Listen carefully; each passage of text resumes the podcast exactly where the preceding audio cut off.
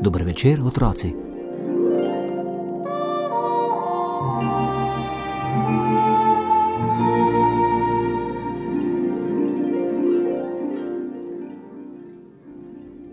Globoko v gozdu zraven naše vasi je bilo človeškim očem skrito naselje gozdnih škratov. V njem je živelo nekaj škratih družin, ki so se ukvarjale s svojimi škratjimi zadevami. Vaščani so tistemu koncu gozda rekli škratja grapa, čeprav tam ni bilo nobene grape. Po pripovedovanju so tam pogosto videvali škrate. Ker so bili vaščani prepričani, da so škratje hudobni, so bolj redko zahajali v tisti del gozda. Škratje so bili tega veseli. Saj ne, da ne bi marali ljudi, le same težave so z njimi.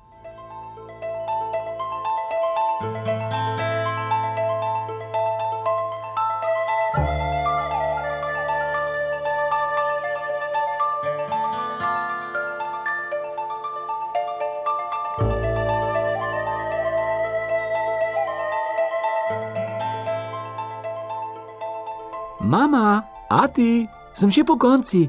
Vstanita, tako lep dan je danes. Sonce sije, ptički pojejo, pa še jaz sem buden, se je zadaril škrat, ko je prilomastil kot tristo kosmatih medvedov v spalnico staršev. Oj, ti škratek, škratasti, ura je še zgodnja, pol ure še lahko spiš, je zagodrnjal očka škrat. Mama škratinja pa je dodala: Sej imamo že nekaj dni krasna jutra, tako da današnji dan ni nič posebnega. Če obljubiš, da boš priden, lahko zležeš k nama v posteljo. Kdaj drugič bi škrat zavriskal od veselja, danes pa je bil v družini prav poseben dan in škrata je kar razganjalo, tako neučakan je bil. Mami, jaz sem že oblečen in sem pripravljen na poseben dan. Starša sta se spogledala. Kakšen poseben dan? sta vprašala hkrati. Danes je tisti dan, je ustrajal in zacepetal škrat. Haha, seveda, sta pristavila starša. V hipu sta skočila iz postelje, se umila in oblekla, ter slavnostnim glasom rekla sinčku, ko so sedeli pri zajtrku: Predragi najnškrat, danes si napolnil deset let. To je zelo pomembna starost za škrate. To je čas, ko škrat postane samostojen, ko lahko po svoji pameti presoja, kaj je prav in kaj ne. Kot nagrado za to zaupanje ti v imenu naše škratje družine izročamo last tole kapo, ki je nekaj posebnega. To je kapa nevidnica, ki jo škratje uporabljamo kot zaščito pred ljudmi. Ko se namreč pokrijemo z njo, postanemo nevidni človeškim očem. Nevidni smo le za ljudi. Drugi škratje in pa živali te bodo lahko videle, le ljudje ne. Slavnostno sta mu izročila zeleno kapo, ki si jo je takoj poveznil na glavo in odbrzel do ogledala, ter se občudoval. Čudovito, je zavzdihnil škrat, res čudovito. Koma je čakal, da jo mahne na potep. O ljudeh ni vedel veliko. So ljudje zares hudobni? Ali ljudje res ne marajo škratov? Ali ljudje res ubijajo druge ljudi in živali? Ali ljudje res zastrupljajo reke in krčijo gozdove? A so ljudje večji od škratov? Oče škrat je potrpežljivo dejal: Preden najdeš odgovore na svoje vprašanja, boš pozajtrkoval gobove piškote. Prav, če že moram, je bil škrat še naprej neučakan.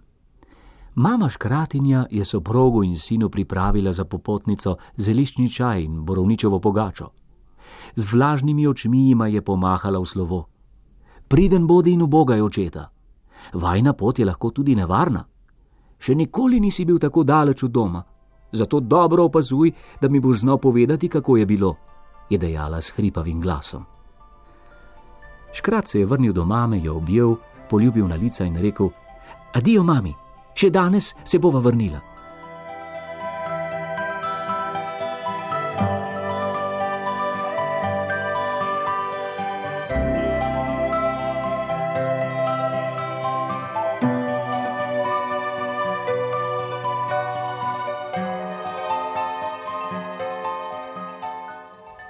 Oče škrat in mali škratek sta molče stopala po poti in občudovala zgodnje jutro. Ustavila sta se šele, ko jima je pot prečila mama ježevka z dvema mladičkoma. A ti? A ti veš, kako se ježki objamejo? je premeteno vprašal sine. Oče škrat se je globoko zamislil in se delal, da ne vedno tuhta in išče odgovor na tako težko vprašanje. Čez nekaj časa se je vdal in sinu priznal: Ne vem, sine, prosim te, povej mi, kako neki se ježki objamejo.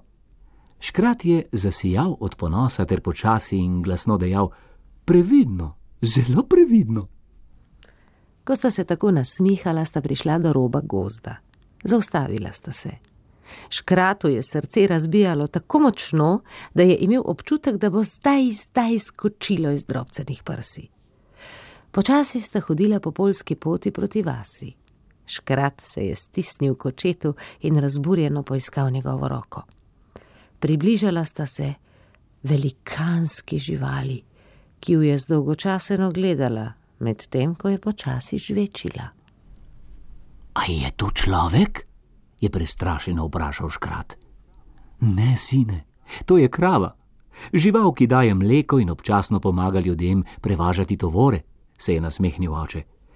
Ljudje so podobni nam, le da so večji in seveda bolj glasni. Škrat se je še oziral za kravo, ko sta nadaljevala pot proti vasi. Vidiš, kratek, tam so ljudje, je pokazal z roko na skupino hiš, oče škrat. Sinko je z drobno vlažno ročico močneje stisnil očetovo roko. Ne boj se, ne bodo nas videli. Kapa nevidnica naj jo bo varovala pred njihovimi pogledi. Pridi, je nežno dejal oče škrat.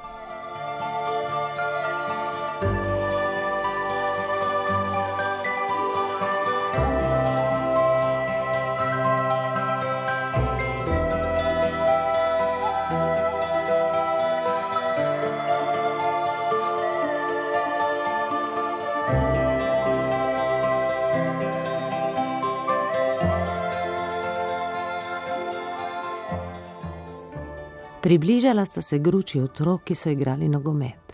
Bili so glasni in razigrani. Škrata sta ju opazovala povsem od blizu.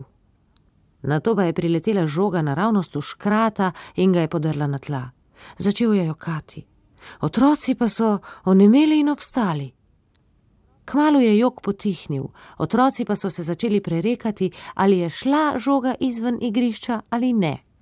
Kmalu so se nehali čuditi, od česa neki se je odbila. Otroci, kosilo! je zagrmelo izpod neba. Mladi nogometaši so hitro izginili, škrata pa sta ostala sama na travniku. Oh, kot bi se vami zaletela skala, tako mi je zadelo, je dejal smrkajoče škrat in dodal nekoliko negotovo. Ti niso bili nič kaj večji od nas, zato pa je potem prišel velikanski človek. To so bili človeški otroci, ki so igrali nogomet, ti pa si v glavo dobil žogo. Na to pa jih je mamica poklicala na kosilo, je pojasnil očka škrat. Te zelo boli glava. Ha, če je tako zelo hodo, lahko greva nazaj. Drugače pa sem želel, da bi šla še malo po vasi, da bi opazovala ljudi in njihove navade. To, da si dobil žogo v glavo, je ena neprijetnih posledic nevidnosti. Ljudje te pač ne vidijo in ti že zato lahko nehote kaj hudega storijo, je še pristavil.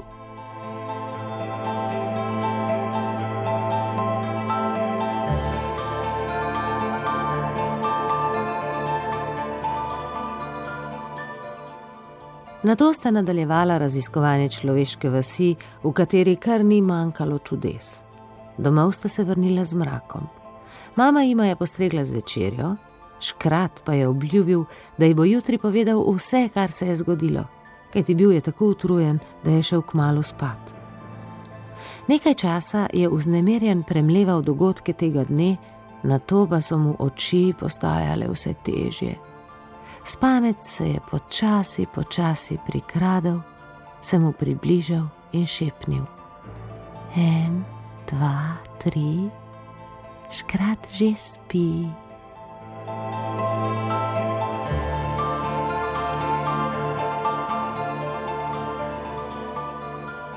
Zaspite tudi vi, lahko noč otroci.